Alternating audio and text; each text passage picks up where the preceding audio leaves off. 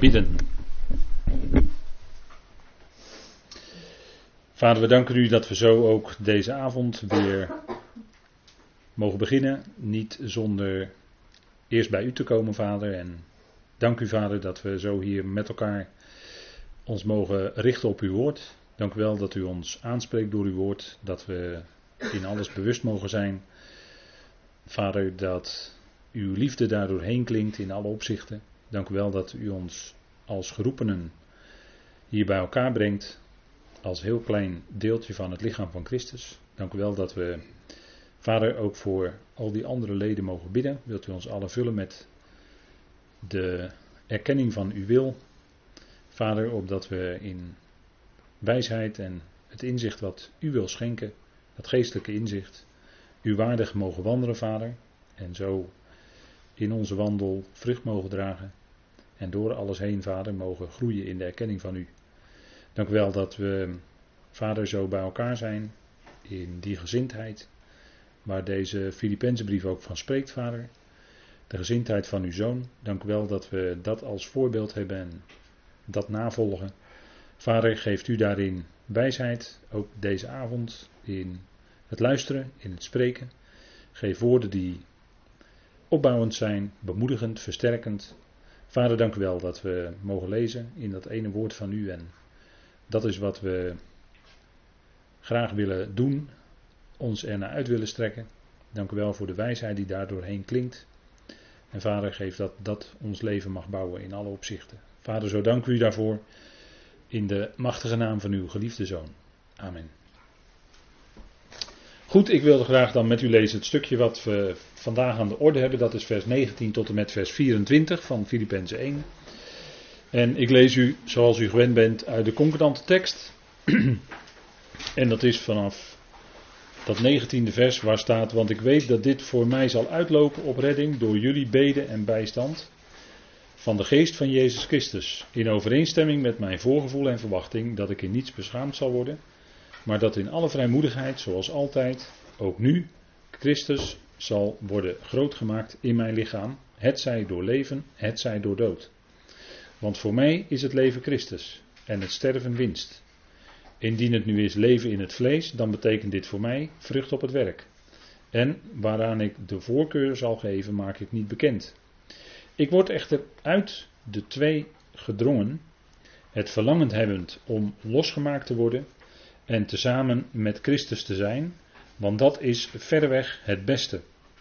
Echter, in het vlees te blijven of te verblijven is noodzakelijker om jullie. Tot zover deze woorden. En wij gaan met elkaar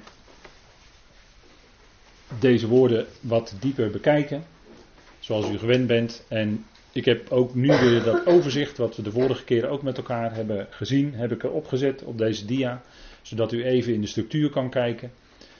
Dat we nu bezig zijn aan het volgende gedeelte, Paulus onverschilligheid. En dan, ja, dat woord onverschilligheid misschien tussen aanhalingstekens, ten aanzien van het sterven. En dat staat in de structuur van deze brief tegenover Paulus' tevredenheid in gebrek. Dus Paulus was, zoals we vorige keer ook hebben gememoreerd, ingewijd in allerlei omstandigheden. En hij kende daarin het geheim. Hè? Nou, daar hebben we de vorige keer over gehad. Dus we willen graag nu verder naar het volgende stukje. En we zijn bezig in dat gedeelte waarin er diverse, van diverse kanten Paulus het belicht. En je zou kunnen zeggen, hij noemt een aantal dingen negatief misschien, als je dat zo wil betitelen, en positief. En dat heb ik met u, voor u even op een rijtje gezet. Want Paulus zegt in vers 19, en daarmee grijpt hij terug op het voorgaande stukje. Want ik weet dat dit, en wat is dan dat dit? Nou, dat heb ik voor u even geprobeerd op een rijtje te zetten. Zal uitlopen op redding. En wat is dan negatief? Maar ook tussen aanhalingstekens natuurlijk. Hè, wat is nou negatief en wat is positief? Nou, de boeien in Christus. Hij zat in gevangenschap. Daar hebben we vorige keer bij stilgestaan. Of je dat nu negatief zou kunnen bekijken of juist positief. Nou, we hebben gezien dat, dat, um, dat je dat toch vanuit een bepaalde kant kan belichten. En als je dat vanuit God ziet, dan zie je ook dat God daar ook zijn bedoeling mee heeft. En dat hij dat ook uitwerkt eigenlijk op een hele bijzondere manier.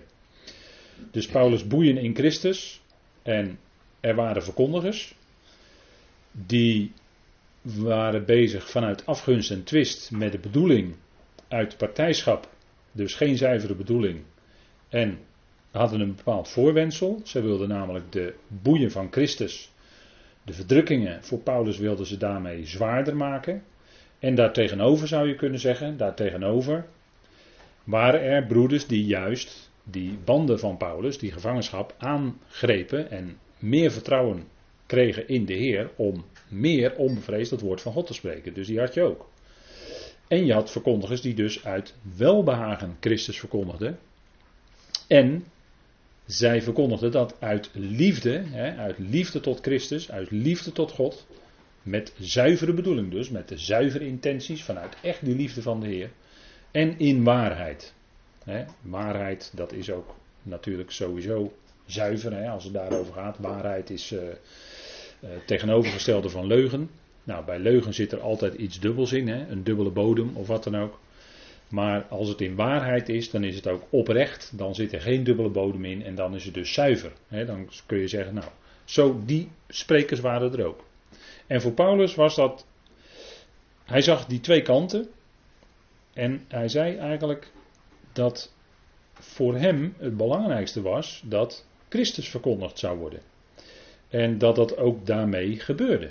Alhoewel er sommigen waren die het in waarheid deden en anderen deden dat met een dubbele bodem. Vanuit onzuivere bedoelingen zou je kunnen zeggen. Maar in ieder geval werd Christus verkondigd en daarin verheugde Paulus zich. Het ging hem om de verkondiging van zijn Heer. En dat stond boven alles. Hè? Paulus had de Heer in, daarin bovenaan staan. En dat is ook de bedoeling dat als het woord van God verkondigd wordt, dat Christus verkondigd wordt. Want Hij is degene om wie het draait in het woord. Hè?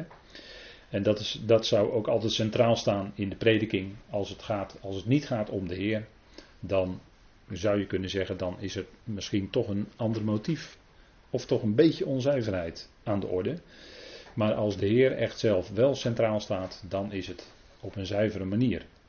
En wat dan de motieven zijn bij de diverse sprekers, nou in ieder geval zegt Paulus, Christus wordt verkondigd en daar gaat het om. Dus als je nu zegt min en plus, ja, dat was allebei aanwezig. Maar Paulus zegt, en dat is zijn conclusie, want ik weet dat dit zal uitlopen op redding. want ik weet dat dit voor mij zal uitlopen op redding. En wat was die redding? dat, uh, die redding, dat was dat Paulus te allen tijden zelf stond in die gezindheid van Christus. Daarin werd hij gered. Hij was in gevangenschap, maar had daarin de gezindheid van Christus. Hij aanvaarde die situatie in ootmoedigheid. En hij aanvaarde die situatie ook ten diepste als uit God. zijn omstandigheden die zag hij niet los van God, of hij verzette zich niet daartegen, maar hij zag dat als iets dat uit God is. En die gezindheid van Christus, daarin werd hij gered. dat gaf God hem ten diepste. En hij was zich bewust van zijn hemelse roeping. En hij was zich bewust van Gods trouw. En die bewustheid, die innerlijke gezindheid, die innerlijke gerichtheid, dat innerlijke geloof wat hij had, wat hij heeft, daarin wist hij zich gered.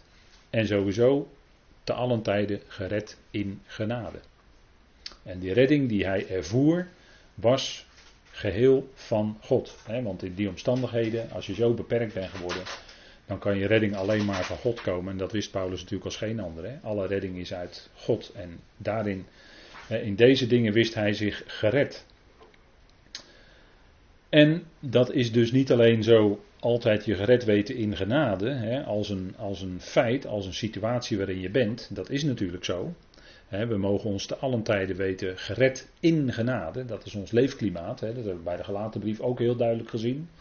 Dat is ons, onze omgeving van redding waarin we altijd zijn. Maar ook als het gaat om de praktijk, als het gaat om de levenswandel, als het gaat om gedrag, dan is die redding ook geheel en al van God. Want God is het die in ons werkt, zowel het willen als het werken. Dat is wat in deze brief natuurlijk ook duidelijk naar voren komt. En hij wist zich gered in de gezindheid van Christus. En er waren dus ook anderen, dat was Paulus zijn persoonlijke overtuiging zou je kunnen zeggen, maar er waren ook anderen die bestrijden Paulus. En tegelijkertijd waren ze toch bezig met het spreken van het woord en dus het spreken van de naam van de Heer, het spreken van Christus. Die waren er ook. En als je nu wat verder kijkt, hè, want Paulus heeft al in het eerste hoofdstuk diverse keren gesproken dat zijn hele leven, zijn wandel, zijn dienstbetoon is met het oog op de Bema. Hè. Dat gaat natuurlijk komen als evaluatiepunt, zou je kunnen zeggen, als beoordelingspunt van de Heer. Wat hij zal doen als ons leven voorbij is, als de bazuin heeft geklonken, dan zijn we allemaal bij de Heer. En dan komt dat moment van de Bema, daar heeft hij over gesproken in 1 vers 6, hè, dat uh, punt van de dag van Christus. Dat is wat we ook meenemen als het hier om gaat. Hè, dat zegt hij in 1 vers 6, als we nog even memoreren. Hiervan overtuigd dat hij die onder jullie een goed werk onderneemt, het voltooien zal tot aan de dag van Jezus Christus. Nou, dat is ook voor Paulus zelf natuurlijk het punt. En niet alleen voor Paulus, maar ook voor die Filippenzen, voor alle gelovigen. God had het goede werk in de apostel ondernomen en hij wist dat hij het zou voltooien in de dag van Christus. Nou, dat geldt natuurlijk ook voor ons. En we weten dat die Bema een beoordelingspunt is, wat misschien toch wel wat belangrijker is dan we tot nu toe, voordat we aan Filippenzen begonnen, uh, dachten. dat is toch wel een heel belangrijk punt. En je zou kunnen zeggen, ja, wat is dan wel en geen plus bij de Bema van Christus? Uh, het feit dat die predikers met verkeerde motieven bezig waren, dat ze Paulus boeien juist zwaarder wilden maken, dat ze verdrukking daardoor wilden laten toenemen.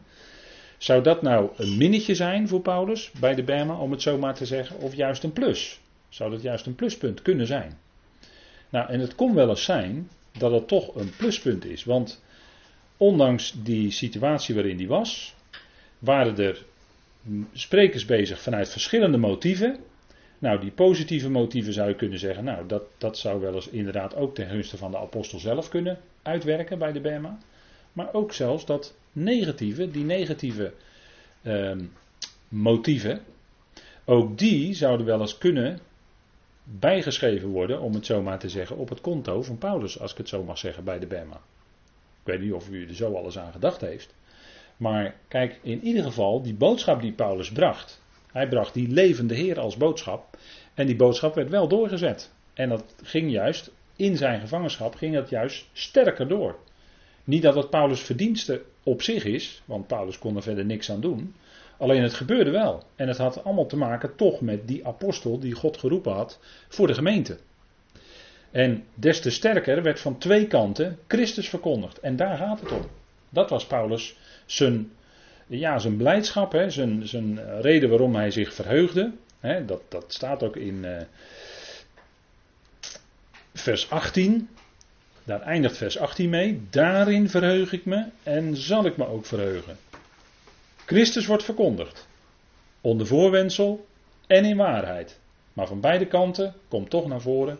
Die ene Heer, die levende Heer, die wordt verkondigd. En dat was degene die Paulus redde. En het zou best eens kunnen dat dat juist uh, ten gunste van Paulus zal uitvallen op het moment van de Bema. Want het werk wat was tot opbouw van de gemeente of tot roeping van de gemeente, dat zal blijven bestaan. Dat zal het vuur kunnen doorstaan. Die motieven niet van die sprekers die hem verdrukking. Maar dat is dan voor die sprekers zelf, die ook bij die Bema zullen staan. Daar zullen hun motieven aan het licht komen. Hebben we gezien in 1 Korinthe 4. Hè? De motieven komen daar aan het licht. Dat zal in die dag blijken. Uh, dat is niet wat wij altijd bij elkaar kunnen waarnemen wat de motieven zijn waarom wij ons dienstbetoon, of waaruit wij ons dienstbetoon en ons werk doen, of waaruit we bepaalde dingen doen. Maar dat hoeven wij ook niet bij elkaar te beoordelen, dat zal de Heer beoordelen.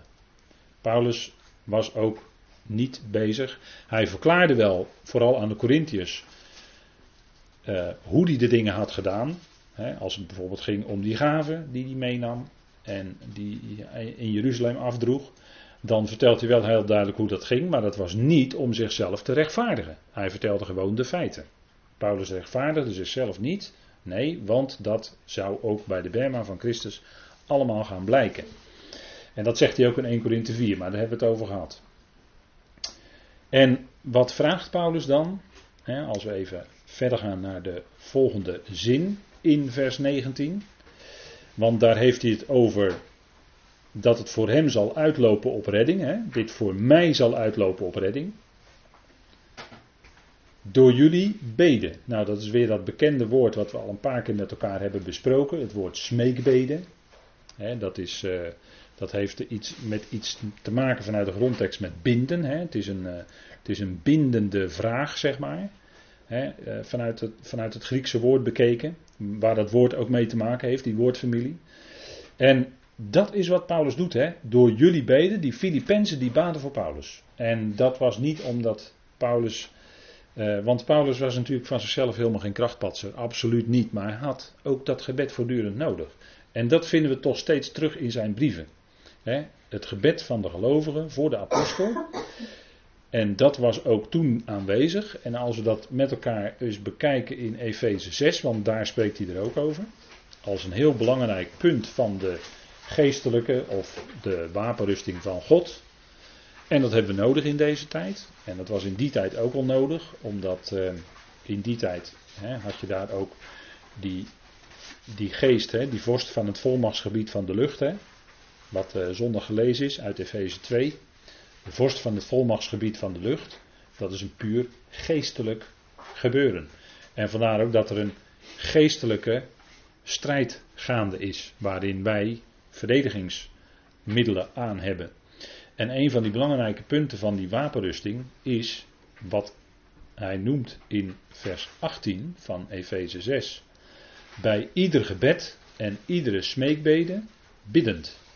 Bij iedere gelegenheid in de geest daartoe ook waakzaam zijnd met alle vasthoudendheid. Dat is een essentieel onderdeel van de wapenrusting. Ieder gebed, smeekbede, bidden met waakzaamheid. Voor ons is altijd waakzaamheid geboden. En als je bezig bent, op welke manier dan ook, dan ben je altijd toch enigszins op je hoede. Niet dat je ergens bang voor bent, maar je bent altijd wel op je hoede. En dat heeft te maken met een stukje waakzaamheid. En dat is in elke situatie waarin je bent. En zeker als het gaat om uh, als gelovigen met elkaar optrekken in gemeenteverband, hè, lokale gemeente dan is waakzaamheid geboden, omdat daarin die vorst van het volmachtsgebied van de lucht uh, uh, lijkt het wel altijd het meest actief is hè, onder. Om gelovigen tegen elkaar uit te spelen, om gelovigen uh, een, op het verkeerde been te zetten, ze uit elkaar te drijven, noem alles maar op. En daarom zouden wij ook waakzaam zijn. En daarvoor is gebed nodig om daarin waakzaam te zijn, om die wapenrusting aan te hebben. En dat te doen met alle vasthoudendheid. En iedere smeekbede aangaande alle heiligen. Dus wij bidden voor alle gelovigen. En dat is ook het gebed om de geest van wijsheid en onthulling in de erkenning van Hem. Dat zouden we bidden voor alle gelovigen. Efeze 1 is dat. Gebed voor alle heiligen. Dat is ook nodig, hè? smeekbeden. En dan zegt Paulus in vers 19, ook voor mij. Opdat mij het woord gegeven wordt, bij het openen van mijn mond, in vrijmoedigheid het geheimenis van het evangelie bekend te maken. Daarvoor vroeg Paulus gebed. En ik denk dat het vandaag dat gebed nog net zo hard nodig is. Paulus leeft natuurlijk al lang niet meer. Maar daar waar dat woord van Paulus, wat hij mocht brengen, waar dat verkondigd wordt, daarvoor is dan ook dit gebed nodig. Dat degenen die dat dan mogen doen, hè, degenen die dat doen, dat die ook die vrijmoedigheid mogen hebben. Dat die hun het woord gegeven mag worden bij het openen van de mond, om dat op een juiste wijze te doen, op een opbouwende manier. En uiteraard ook vanuit de juiste motieven.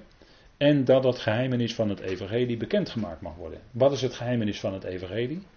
Dat is niet het evangelie zelf. Maar dat is de verzoening. Ja, het geheimenis van het evangelie is de verzoening. Kijk, het evangelie zelf is denk ik voor heel veel mensen in de wereld duidelijk. Dat Jezus Christus is gestorven voor de zonden. Dat hij is begraven en dat hij is opgewekt. Dat is geen geheimenis. Dat weten zoveel mensen. Of ze het nou wel echt geloven of niet, dat is wat anders. Maar dat weten heel veel mensen op deze wereld. Maar het geheimenis van het evangelie, dat God in Christus de wereld met zich verzoende, en dat die verzoening dus uitgaat van God uit naar deze wereld, die boodschap, ja, dat is het geheimenis van het evangelie. En dat is bij veel mensen niet zo bekend. Want dan kom je dus tot het punt hè, dat men uh, wel aan de ene kant zegt theoretisch van ja, Jezus Christus heeft het volbracht. En dan komen er een heleboel woorden waaruit blijkt dat de, de mens toch nog iets moet doen. En dat is in feite een ontkenning van de verzoening. Want de verzoening zegt, je bent verzoend. God was in Christus de wereld met zich verzoenend. Je bent verzoend. Ga God daarvoor danken. Dat is de boodschap. En dat is, dat is los van elke menselijke inspanning of wat dan ook. Dat is gewoon meedelen. God is volkomen, hè, heeft volkomen vrede gemaakt in het bloed van het kruis. En op grond daarvan spreekt hij verzoening. En is er niets tussen de mens en God. En op het moment dat die mens God daarvoor gaat danken, nou, dan blijkt dat God in dat hart werkt. En is die mens in, uh, in bewuste relatie gekomen met God. That's it. En dat daar zit geen enkele inspanning of mogelijkheid dat de mens eerst iets moet doen, zit daarbij. En daarom was het nodig dat Paulus, hè, hij, hij, vroeg het hier voor zichzelf in Efeze 6, ook voor mij, opdat mij het woord gegeven wordt bij het openen van mijn mond. Dat was niet vanzelfsprekend dus. Dat is voortdurend nodig dat wij als gelovigen bidden voor de verkondigers. Dat wij dat doen. En dat dat dus uh, geherouwd mag blijven worden. Want anders komt oh zo snel religie ervoor in de plaats. Dat de mens toch iets moet doen om te naderen tot God. Of het nou maar, welke naam je het ook maar wil geven. Maar daar hebben wij gelaten natuurlijk ook vele keren over gehad met elkaar. Dat het genade karakter van het evangelie, dat wordt zo snel ondermijnd en daar komt er zo snel iets religieus voor in de plaats. Ja, dat, dat, en daarom is het nodig dat dat gebed, hè, dat het geheimenis van het evangelie, dat de verzoening bekendgemaakt mag worden. Hè. Er wordt vaak wel gepredikt van Jezus Christus is voor jouw zonde gestorven, maar nu moet jij eerst nog, en vult u maar in. Hè. Daar kunt u zelf denk ik wel best wel invullen wat u in de loop van de jaren gehoord heeft en wat nog te horen is. En daarvoor is dat nodig. Ook voor die vrijmoedigheid. Hè? Want Paulus noemt hier in vers 19 die vrijmoedigheid, die noemt hij ook in Filippenzen. En in vers 20 ook, dan zegt hij, waarvoor ik gezand ben in een keten, hè, wijst hij ook op zijn gevangenschap, opdat ik daarin vrijmoedig zal zijn. Heb je het weer, hè, dat vrijmoedig zijn. En dat woord vrijmoedigheid, dat is vanuit het Grieks alles kunnen zeggen.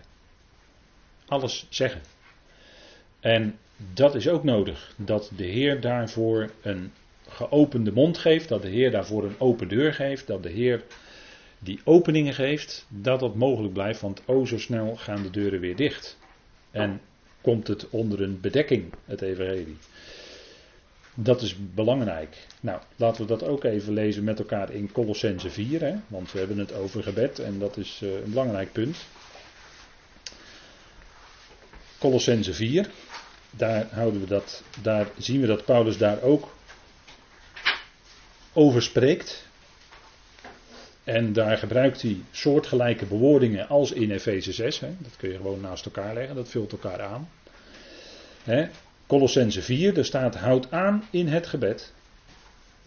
Dus dat is niet één keer bidden, maar dat is houd aan in het gebed.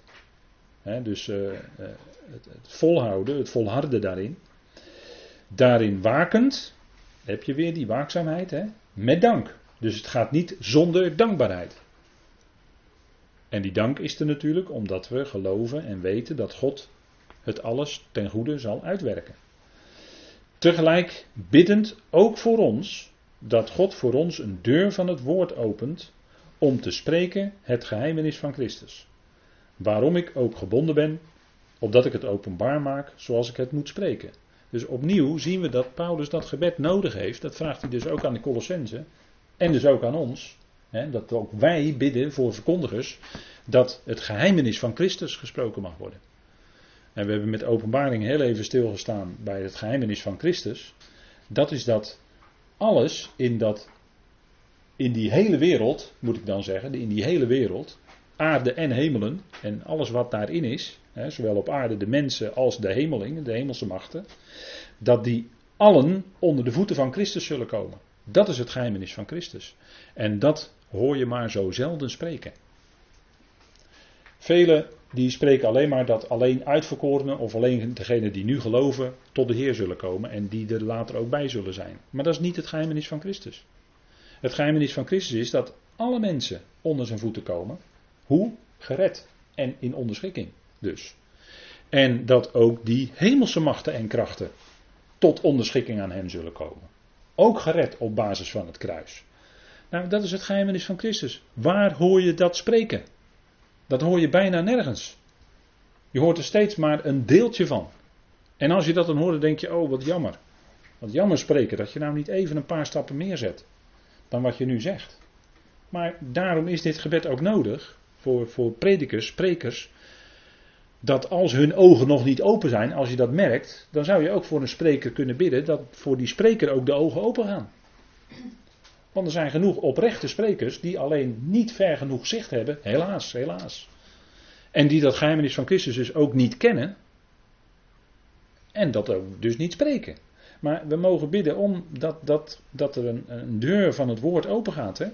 Een deur is er altijd om open te doen. Een deur is niet om dicht te houden. Maar een deur is er om open te gaan. En dat daardoor een opening ontstaat. En dat daardoor bekend mag gemaakt worden wie Christus is. Want dat is hè, dat geheimenis van Christus. Ja, dat, dat looft en prijst Christus als de hoogste van het hele heelal. Hè. De Hebreeën schrijver zegt dat hij de lotgenieter is van het al. Nou, dat is de, de een van de hoogste titels die hij heeft. Dat, dat hele al, hè, dus die hele schepping, hemelen en aarde en alles wat erin is, dat is hem als lotdeel gegeven door God. En de lotdeel is natuurlijk een beeldspraak, dat weet u wel. Maar hij is de lotgenieter van het al. Het al zal hem toevallen als lotdeel. Alles. Nou, dat is, dat is de enorm hoge positie die hij heeft. En dan vraag je af, waar wordt de Christus zo gepredikt? Dat hij werkelijk de Heer is van alles. En daar zijn we naartoe op weg. Hè. Het, is, het is voor ons al een feit natuurlijk dat hij Heer is van alles. Het is alleen een kwestie dat die hele schepping dat ook gaat ervaren. Dat die hele schepping dat gaat zien. maar dat is, daar is geen twijfel over mogelijk. Het is alleen een kwestie van tijd. En dan zal het gerealiseerd worden. Natuurlijk. net zoals God kijkt naar die volkeren, Psalm 2 dan denk ik even terug aan vorige week, openbaring, Psalm 2. God heeft zijn koning al gezalfd hoor, over Sion. Hij heeft zijn koning al klaar. En de mensen lopen nu nog tegen, tegen de hoop. En die willen allemaal eigen leiders in plaats van Christus zetten. En straks zal de wetteloze zich in plaats van hem zetten. Maar eigenlijk moet God daar om glimlachen, zou je kunnen zeggen. Want hij heeft zijn koning al lang gezalfd over Sion. En die zal hij daar ook gaan stellen. Christus zal natuurlijk regeren over heel de aarde en hij zal regeren over de hemelen. En dat is alleen nog een kwestie van tijd. Dat die hele schepping dat gaat zien. Hij zei het toch. Mij is gegeven alle macht in de hemel en op aarde. Nou, dat is hem gegeven. En dat komt hem ook rechtens toe. Alleen een kwestie van tijd. Nou, dat is niet van Christus. En laten we daarom bidden dat dat meer en meer gesproken mag worden. Dat dat meer en meer gehoord mag worden. En gelukkig wordt het in Nederland al steeds meer gehoord. Veel meer dan 30, 40 jaar terug. Gelukkig wel. Wat dat betreft is er al veel bereikt, maar we kunnen niet op onze lauweren rusten. Het gaat door. Het gaat, punt, de bedoeling is dat het woord doorgaat. en dat is ook de volgende tekst die we dan even met elkaar lezen uit 2 Thessalonicense 3. En dat is ook zo'n tekst waarvan ik wel eens denk dat we dat niet zo vaak lezen. 2 Thessalonicense 3, 3. En ook daar is het gebed voor de apostel en dus ook voor het woord dat dat doorgaat. Dat is zo belangrijk dat we daaraan denken in ons gebed. He, 2 Thessalonicense 3. En dan staat er in vers 1: Verder, broeders, bid voor ons. Dat het woord van de Heer zijn loop mag hebben. En verheerlijk mag worden, zoals ook bij jullie waar wordt het woord van de Heer verheerlijkt? Daar waar het woord van de Heer echt recht gesproken wordt. En waarin het woord ook bovenaan staat. Want dat zou bij gelovigen zo zijn. De gemeente zou zijn een pilaar en fundament van de waarheid, zegt Paulus in 1, Thessalonisch, in 1 Timotheus 3. En dat is het punt. Hè. Een gemeente zou zijn pilaar en vastigheid of fundament van de waarheid. En daar is heel veel vertroebeling in gekomen sinds het moment dat Paulus dat schreef. maar uh, we zouden wat dat betreft uh, dat woord bovenaan zetten. Want die waarheid van dat woord, dat, dat zou gekoesterd worden in, in het midden van de gelovigen. en dan is het niet uh, jouw mening over het woord, zo van ik denk, ik voel enzovoort. Nee, het woord zelf zou aan het woord komen en dat zouden we gewoon zeggen, ja zo is het Heer, zo is het, dit beamen wij, dit geloven wij, dit, dit zegt u, dit geloven wij. Daar buigen wij ons voor. En, en zo op die manier, dat zo op die manier die waarheid bovenaan blijft staan. dat is tot eer van God. Dan wordt dat woord verheerlijkt. Het wordt niet verheerlijkt als wij denken dat wij onze mening hebben over het woord en dat we die mening dan naar elkaar toe gaan ventileren dat, of, dat, dat het woord een onderwerp wordt voor discussie. Het woord is helemaal geen onderwerp voor discussie. Is het helemaal niet. Nee, het woord zou gesproken worden en, en geloofd worden en zeggen: Dank u wel, Heer, dat, dat, het, dat het zo zit, dat uw woord dit zegt. Dan wordt het woord verheerlijkt. En, en anders niet hoor, anders komt het onder de, wordt het te grabbel gegooid, dan komt het onder tafel. En dan gaan die menselijke meningen eroverheen. Of er komen de tradities van de mensen eroverheen, de gedachten. Maar dit is wat we dan zouden bidden: dat het woord van de Heer zijn loop mag hebben, dat het verheerlijk mag worden, zoals ook bij jullie, en dat wij verlost mogen worden van de slechte en boze mensen, want het geloof is niet van allen. Niet ieder een gelooft dit. En voor geloof mag u best ook trouw invullen hoor. want geloof is trouw en trouw is geloof daar waar geloof is, is trouw. En daar waar trouw is, is geloof. die, die woorden die, die kun je op elkaar leggen. Dat is in het Hebreeuws ook zo, dat weet u. Nou, de, je kan ook zeggen, niet allen zijn trouw. En dan mag je misschien tussen haakjes, zou je erachter mogen denken misschien, niet allen zijn trouw aan het woord. Want het gaat hier over het woord. En dat het woord verheerlijk wordt. Zo. Dus die richting zou je misschien ook nog kunnen denken. Maar waar het om gaat is dat we daarvoor bidden. Dat het woord zijn loop mag hebben. En dat het voort mag gaan. En dan zal God altijd wegen hebben. Hij is nooit aan een persoon gebonden, gelukkig niet. Maar God zal altijd wegen hebben om dat woord, zijn woord, verder te laten herauten. Want het woord van God is niet gebonden. Hij is ook niet gebonden aan één persoon, aan één mens of zo. Helemaal niet. Maar God zorgt er zelf al voor dat het woord doorgaat. En, en daar gaat het om. Hè. En daarover verblijden wij ons als we merken dat het woord doorgaat. Hè. Dat, dat, is onze, dat is de bron van onze vreugde. Nou, de bijstand van de geest. Hè. Dat is wat Paulus daarna opmerkt in dat 19e vers. Hè. Door jullie gebed, smeekbeden. Nou, we hebben nu met elkaar een paar voorbeelden gelezen van waar kun je dan voor bidden. Hè. Want je wil dat even praktisch ingevuld hebben. Nou, we hebben dat geprobeerd. Waarvoor kun je nou bidden? Ik heb u een aantal voorbeelden aangereikt uit de schrift. Waarvoor u concreet kunt bidden. En zo staan er wel meer gebeden in de brieven van Paulus. Die wij gewoon van harte meebidden met de apostel, hè, zeggen we dan altijd. Nou, hier gaat het om de bijstand van de geest van Jezus Christus. Hè, Paulus die besefte dat er zeker door de Filippenzen voor hem gebeden werd. En de bijstand van de geest van Jezus Christus, hè, dat is noodzakelijk. Hij, eh, Paulus kon het natuurlijk absoluut niet zelf, maar dat, daar was hij zo diep van overtuigd. En hij kon het alleen maar door de geest. Want als het heeft in het tweede hoofdstuk, dan komen we wel een keer op die tekst terecht van uh, het willen en het werken. Nou, dat, dat is uit God. Dat is God die het in ons bewerkt. En bewerkt het in ons door zijn geest uiteraard. En die bijstand van de geest, dat is zo'n kostbaar geschenk wat we hebben ontvangen van God. Die geest van God in ons. Waardoor we ook die waarheid innerlijk herkennen en erkennen. En waardoor er ook innerlijke blijdschap is over die waarheid. En ook als dat klinkt. Als die waarheid klinkt, als Christus verkondigd wordt, als Christus centraal staat, dan word je daardoor automatisch blij van binnen. Nou, dat werkt die geest, die geest van de waarheid. Want die onderstreept die waarheid in je hart als het ware. Dan zeg je daar innerlijk ja en amen op. Ja, zo is het, Heer. Zo is het. En eh, die geest die is ons gegeven als een geweldig iets dat ons bij het moment dat we voor het eerst geloofden, om het zo maar te zeggen, gegeven is. Toen werd die geest ons gegeven en toen werden we ook naar binnen dat ene lichaam gedoopt. En we hebben daarna niet een aparte geestesdoop nodig als een aparte ervaring. Dat hebben we niet nodig, dat staat ook nergens. Maar die geest is ons gegeven. En dat staat in Efeze 1, vers 13. Laten we het even met elkaar lezen, want het zijn fijne woorden, denk ik. Om die nog eens opnieuw te laten horen in uw oren. Hè, en zo door te laten klinken in je hart.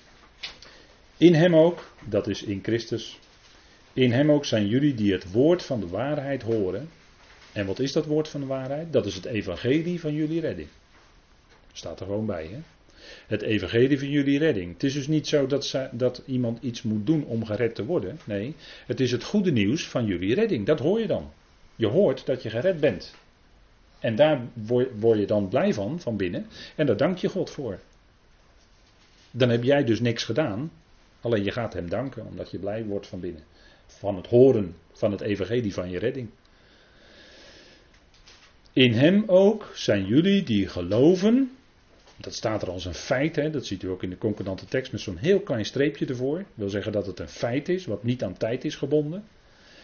Verzegeld, dat is ook zo'n feit, hè? dat is ook niet aan tijd gebonden. Met de geest van de belofte, de heilige. Hè, wat zijn we dus als gelovigen? We zijn verzegeld met de geest van de belofte, de heilige. Tot wanneer? Nou, dat zegt Efeze 4, vers 30, dat staat erbij, hè, die tekstverwijzing. Tot in de dag van de vrijkoping. Dat is de dag van de bazuin. En daarom hoeven we nooit te twijfelen aan onze redding. Als we misschien zien op soms ons wankelende zelf, ons wankelende eigen, als het gaat om onszelf. Ja, als je gaat kijken naar jezelf, dan ga je al bijna wankelen, zou ik willen zeggen. Maar wat vast is, is dat we die geest hebben ontvangen naar binnen de dag van de vrijkoping. Daar staat in Efeze 4, vers 30. Hè? De Heilige Geest bedroeft de Heilige Geest van God niet, waarmee jullie verzegeld zijn tot, en dan staat er letterlijk naar binnen, de dag van vrijkoping. Dat is de dag waarop de bazuin klinkt en wij gaan ervaren die vrijkoping van ons lichaam. Dat is geweldig, hè? het zoonschap, dat is de vrijkoping van ons lichaam. Dat zal dan ineens ook aan ons lichaam te merken zijn. En wat staat er in Efeze 1 nog meer bij? Die een waarborg is. Hè, wat is nou een waarborg? Nou, dat zou je kunnen zeggen dat is een, eh, bijvoorbeeld eh, als iemand vrijgekocht wordt uit de gevangenis op borgsom.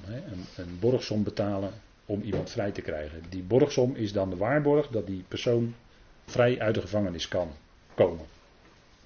Is een vergelijking, heel simpel. Maar een waarborg is een soort, uh, ja, wordt ook wel eens vertaald als een soort onderpand. Een soort zekerheidsstelling zou je kunnen zeggen. Uh, daar wijst het Hebreeuwse woord op wat eronder zit. Waar het Griekse een vertaling van is. Maar dat is een, een zekerheidsstelling. Die geest heb je alvast als een, je zou ook kunnen zeggen als een aanbetaling. Een aanbetaling. En als dat er is die aanbetaling, dat wil zeggen dat die volle prijs ook gaat komen. Dat die volle uitbetaling gaat komen op de dag van de vrijkoping. En dat is dat wij dan ook daadwerkelijk lijfelijk zullen ervaren. En dan die heerlijkheid ontvangen van wat God ons gegeven heeft. En dan komt die vrijkoping van het voor ons toegeëigende. Van het voor ons, hè, we hebben dun gedrukt tussen gezet voor ons. Van het voor ons toegeëigende, dat heeft God gedaan door zijn zoon tot lofprijs van zijn heerlijkheid. En dan zullen we ook daadwerkelijk ervaren die volle heerlijkheid, die volle zekerheid, hè, die we nu al soms ervaren, hè, dat het voor ons een zekerheid is, maar dan is het helemaal een volle uitbetaling geworden. En zijn we ook lichamelijk verheerlijkt hè, met dat, uh, geweldige, die geweldige heerlijkheid. Nou, die geest, die is in ons. En vandaar dat Paulus het hier heeft over de bijstand van de geest van Jezus Christus. dat was een actieve bijstand die hem leidde in zijn leven. En die hem ook door wat God hem duidelijk maakte, die hem door het woord ook duidelijk maakte dat is voor jou nu die situatie. En daarin is de Heer nabij. hij staat je bij. En hij is niet ver weg, maar hij is altijd dicht nabij. Dat lezen we ook in Romeinen 8. Die bekende woorden, ik heb ze maar even op deze dia erbij gezet, maar dan kunt u ze later ons naslaan. de geest van het zoonschap hebben ontvangen. En die geest van het zoonschap, die zorgt ervoor dat we ook een stukje dagelijkse leiding in ons leven hebben. Leiding met EI. leiding in ons leven. Welke kant moet het op? En soms is dat ook zoeken. Soms weten we dat ook niet welke kant het op moet. En vaak gaat dat door de omstandigheden. Gaan we door omstandigheden een bepaalde kant op. En dat zal dan kennelijk de kant op zijn die de Heer bedoelt. want God bestuurt dat ook. Die heeft ook al die omstandigheden van ons leven in zijn hand. En dan kan het, eh, ja, dan kan het soms in een hele andere richting gaan dan jij misschien dacht. En dat je misschien nu denkt van nou het gaat die kant op, maar dat je over een jaar terugkijkt zal zeggen, nou een jaar geleden dacht ik nog dat die kant op zou gaan, maar het blijkt toch dat een hele andere kant op ging in mijn leven. En dat is dan kennelijk wat God bedoelt. maar zijn leiding, ja, hij kan je wel eens leiden op hele wonderlijke wegen, wat je zelf niet gedacht had. Maar dat is die geest van het zoonschap. Als je bij dat woord blijft, bij, bij, bij dat woord wat, wat Paulus mag brengen, het evangelie, wat Paulus mag brengen, dat is leidend voor ons in deze tijd. En al het andere in de schrift is ons tot voorbeeld gegeven. Maar dat evangelie van Paulus is onze leidraad in ons leven, is leiding in ons leven. Als je bij die principes blijft, hè, dan word je als zoon van God ook geleid daadwerkelijk door die geest van God. En dat staat nooit los van het woord. Hè, ik kan nooit zeggen van nou ik krijg een, eh, dat hoor je mensen er wel eens zeggen. die krijgen dan ineens eh, een, een ingeving. Ja, daar ben ik altijd een beetje voorzichtig mee. Daar ben ik altijd voorzichtig mee. Want een ingeving, waar komt die vandaan? Komt die nou van de geest van God? Komt die van God? Of komt die van jezelf, in je eigen ziel? vanuit misschien dingen uh, die in jouw leven spelen, maar ik weet het niet. Maar wat ik dan wel altijd veilig vind is uh, ja, stem dat die kant die ik denk op te moeten, stem dat wel overeen met wat ik hoor uit zijn woord. Met dat evangelie wat ik mag kennen. Is het daarmee, klopt het daarmee? Of is het alleen maar vanuit mijn ziel wat ik zelf wil? Dat kan allemaal. En soms kom je daar later achter dat je achteraf denkt van nou, kennelijk was dat niet helemaal de bedoeling, want God heeft me gecorrigeerd op een of andere manier. Dat kan. En dat kan door omstandigheden gebeuren. Maar hij leidt door zijn geest en daarom hebben we ook dat voortdurende gebed nodig, opdat we in die richting blijven gaan die God bedoelt. En ja, nogmaals, dat staat nooit los van zijn woord. Dat vind ik altijd de meest veilige gang. Nou, Paulus zegt dan, door de bijstand van de geest van Jezus Christus, die stond hem bij in alle omstandigheden, ook in die beperkende omstandigheden. En natuurlijk hebben we in ons leven de nodige beperkingen. Ja, dat zijn dan kennelijk ook de, de hè, beperkingen. Een ander woord is verdrukkingen. Hè, want de verdrukking is uh, een, een, een, beperking van buitenaf. Hè. Je kan ook innerlijk benauwd zijn, maar dat is wat anders. Dat je innerlijk benauwd bent. Maar druk van buitenaf is dat je op een of andere manier onder druk komt te staan. Door de omstandigheden of door wat dan ook. En dat beperkt je. Verdrukking beperkt je als je, en je, je kan ook uh, lichamelijke problemen hebben. Nou, dat is ook een vorm van verdrukking, van lijden. En dat levert een beperking op. Paulus was ook enorm beperkt toen hij dit schreef. Hij zat in de gevangenschap. Dat was ook een vorm van verdrukking. En er waren bovendien nog broeders die die verdrukking zwaarder wilden maken. Die dat wilden verergeren. In die situatie wist hij wel dat de Heer bij hem was. En dat de Heer hem zou uitredden en zou brengen uiteindelijk in zijn hemels koninkrijk. Dat was die diepe overtuiging hè, die hij had. En uh, er waren ook natuurlijk mensen die, gelovigen, medegelovigen, die hem steunden. Dat was natuurlijk ook een stukje bijstand. Maar boven alles uit was hij nauw verbonden met zijn Heer. En ervoerde hij echt die bijstand van de geest. En dat is uh, voor ons ook zo belangrijk dat we dat, dat innerlijke besef hebben, die innerlijke vrede. En dat is wat we ook bij Paulus zien. En hij zegt het zal uitlopen op redding. En dan zegt de tekst daarna. Het zal uitlopen op redding in overeenstemming met mijn voorgevoel en verwachting dat ik in niets beschaamd zal worden. Nou, hij gebruikt daar een bijzonder woord. Dat woord voorgevoel. En dat komt maar twee keer in de schrift voor. En dat is niet.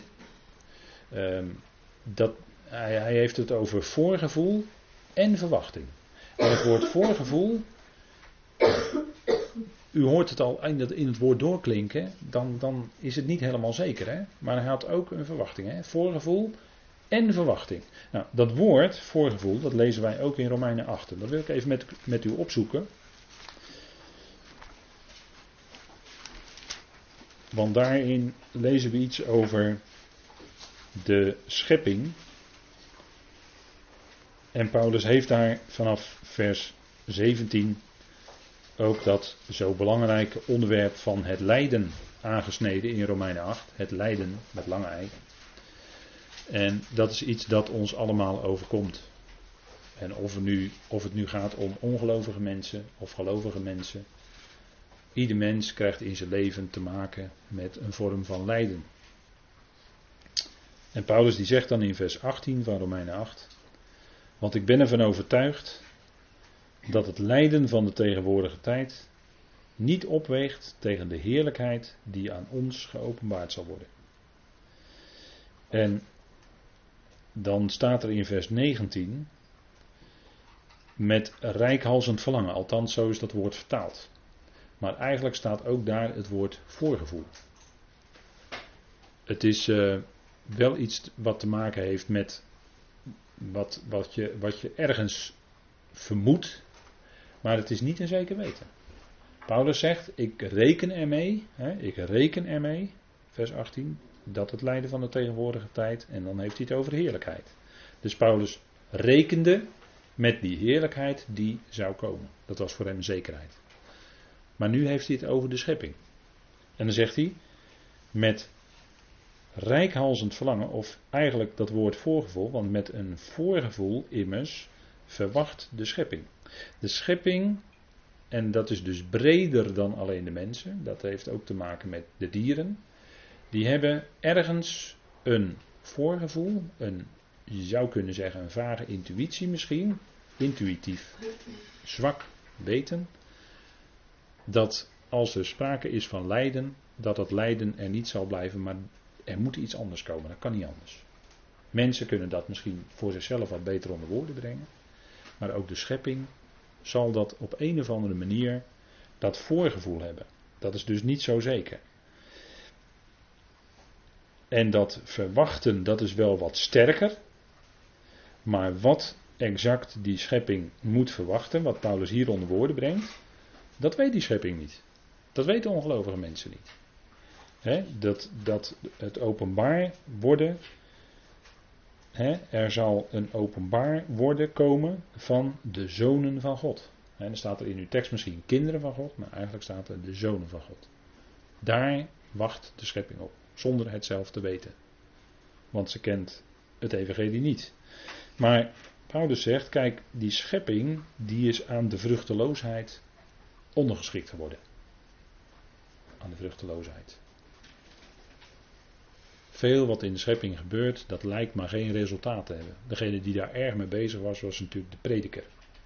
die zei, ijdelheid der ijdelheden, alles is ijdelheid. Dat is het woord hebel, wat de prediker dan gebruikt. En in het woord hebel, daar zit dat vruchteloos in, want dat, daar is ook de naam Abel van afgeleid. En u weet wat Abel overkwam. En wat Abel overkwam was eigenlijk tekenend voor de vruchteloosheid waarmee de mensheid zou bezig zijn sinds het, sterveling, het stervelingschap van Adam. Daar, op grond daarvan was de mens een sterveling. En zou zijn pogen, zouden zijn inspanningen ja, eigenlijk vruchteloos zijn. Als je tenminste tot op zekere hoogte kijkt. Als je kijkt zoals de prediker kijkt onder de zon. Dan is het allemaal vruchteloos. Dan denk je van ja, we spartelen hier met z'n allen misschien 20, 30, 40, 50, 80, 90 jaar rond op deze aarde.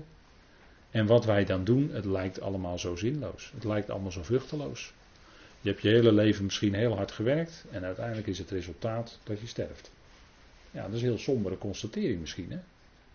En dan zeg je, ja, als je daarnaar kijkt, het is vruchteloos. En daar heeft Paulus het over. Dat woord gebruikt hij. Hè? Vruchteloosheid.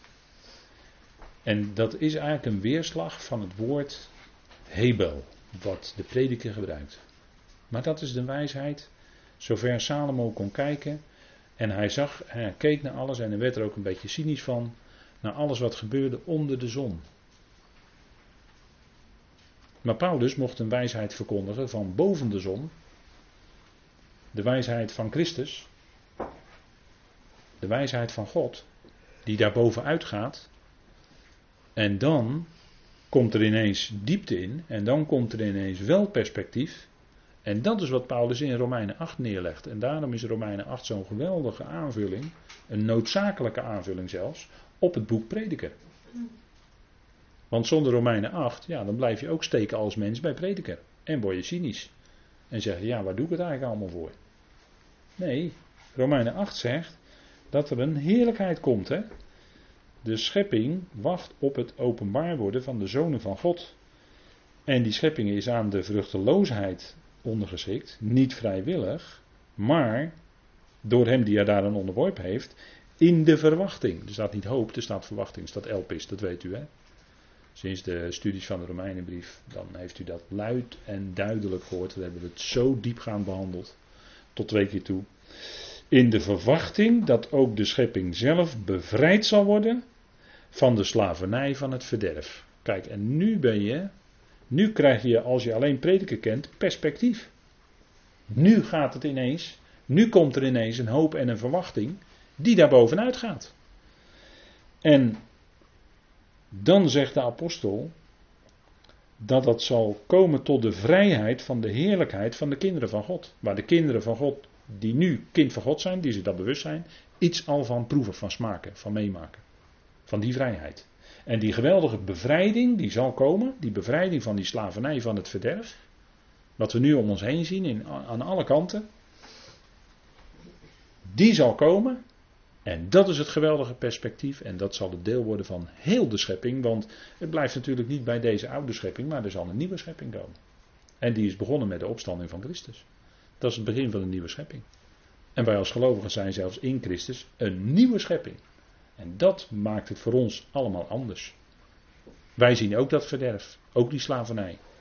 Wij zien ook dat het allemaal zo zinloos kan lijken, alleen wij hebben dat perspectief in ons hart.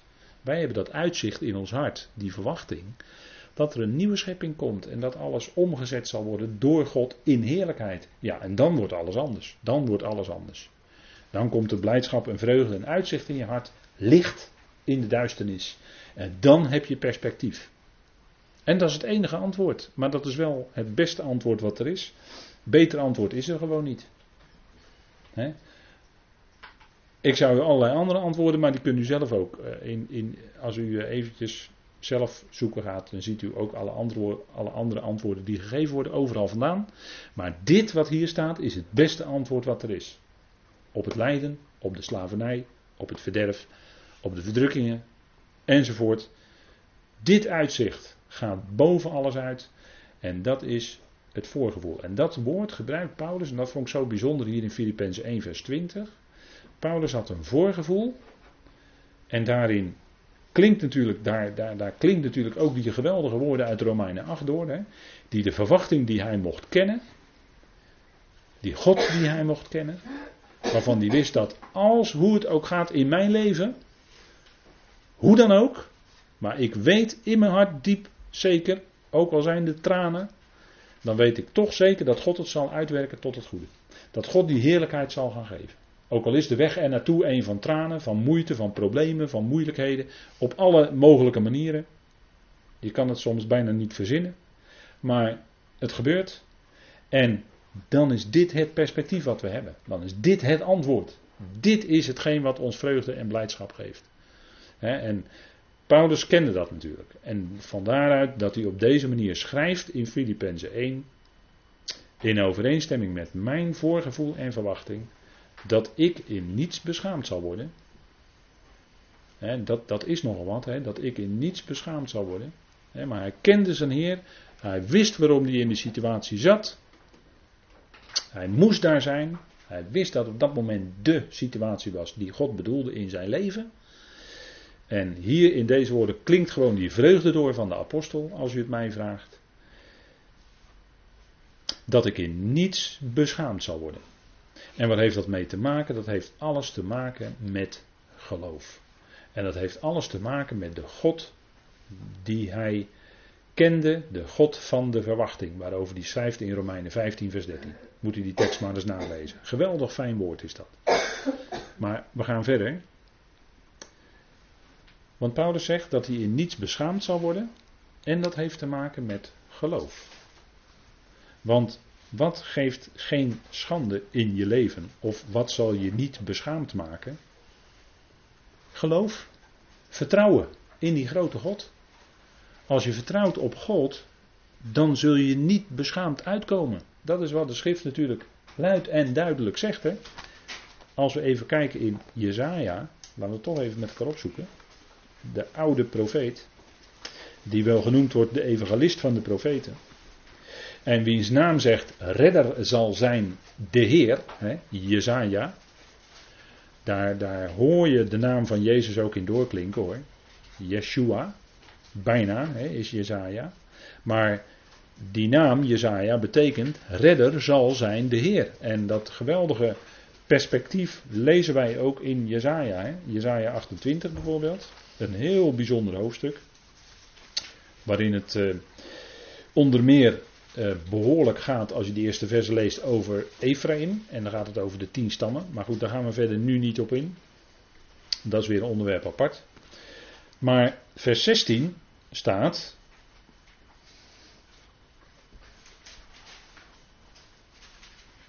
En dat is een uitspraak van de Heer. En dat mocht Jezaja doorgeven. Daarom, zo zegt mijn Heer, JW. Hè, er staat in het Hebreeuws Adonai JW. Hè, zo zegt mijn Heer JW. Zie, ik leg in Sion een steen ten grondslag. En het woord grondslag heeft te maken met fundament. En er staat er eigenlijk in het Hebreeuws dubbelop.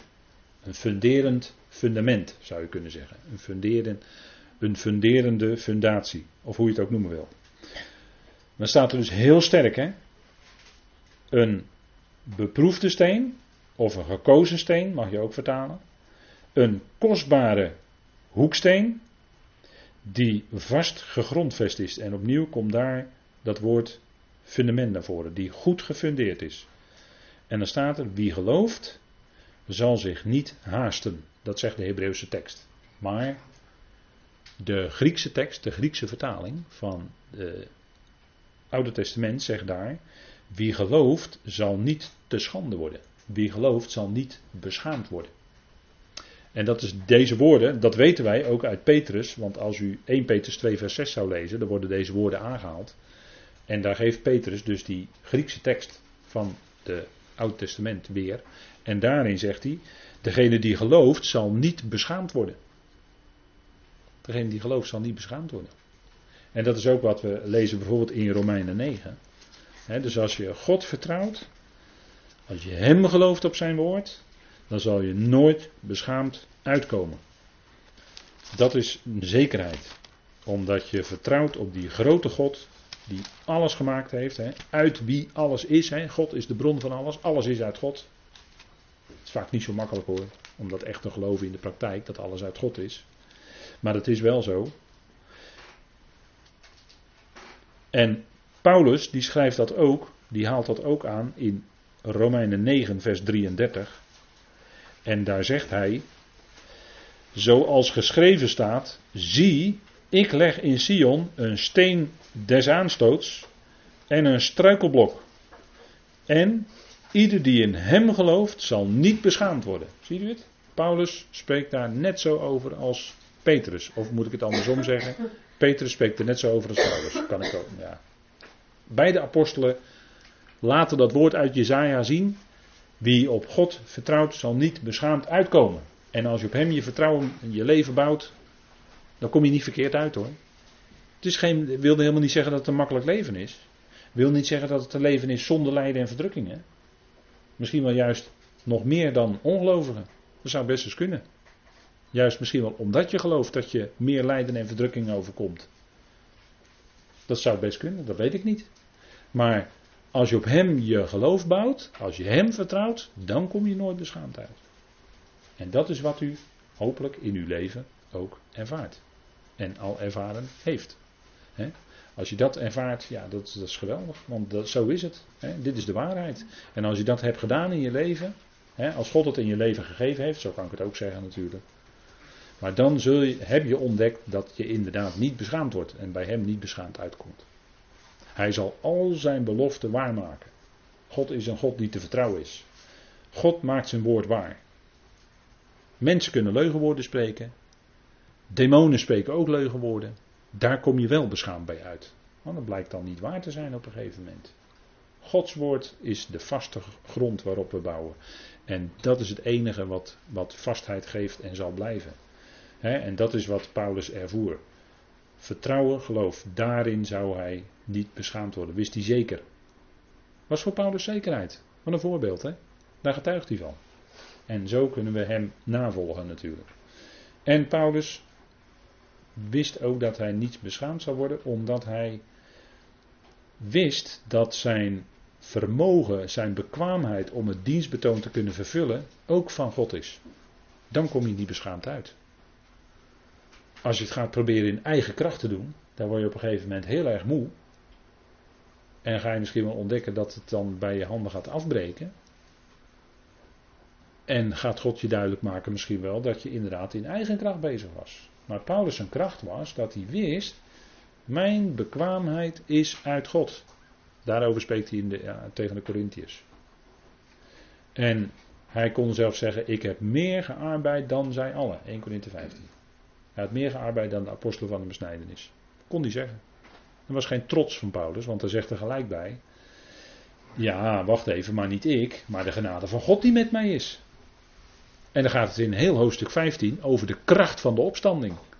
Dat was die genade die hem gegeven was, die kracht van zijn opstanding. En daardoor kon hij zeggen: Ik heb meer gearbeid dan ze allen. Ja, maar niet in eigen kracht. Nee, die genade van God, die heeft het in mij bewerkt. Kracht van zijn opstanding. Daar gaat het om. Klinkt ook in Filippenzen 3 natuurlijk. hij strekte zich er naar uit om Hem te kennen, Christus te kennen. En de kracht van zijn opstanding staat er gelijk bij. Hè? Daar ging het om. Dat is die uitopstanding uit de doden. Nu al in, in ons leven die kracht mogen ervaren, dat is geweldig. En daarom is Paulus, ik zal niet beschaamd uitkomen. Ook niet bij de Bema. Want dan zal alles wat God mij gegeven heeft, zal dan blijken. Maar zal blijken dat God het hem gegeven heeft. En zo komt hij ook daar niet beschaamd uit. Hè? Nou, dat was die enorme overtuiging. Goed, ik stel voor dat we met elkaar een moment pauzeren.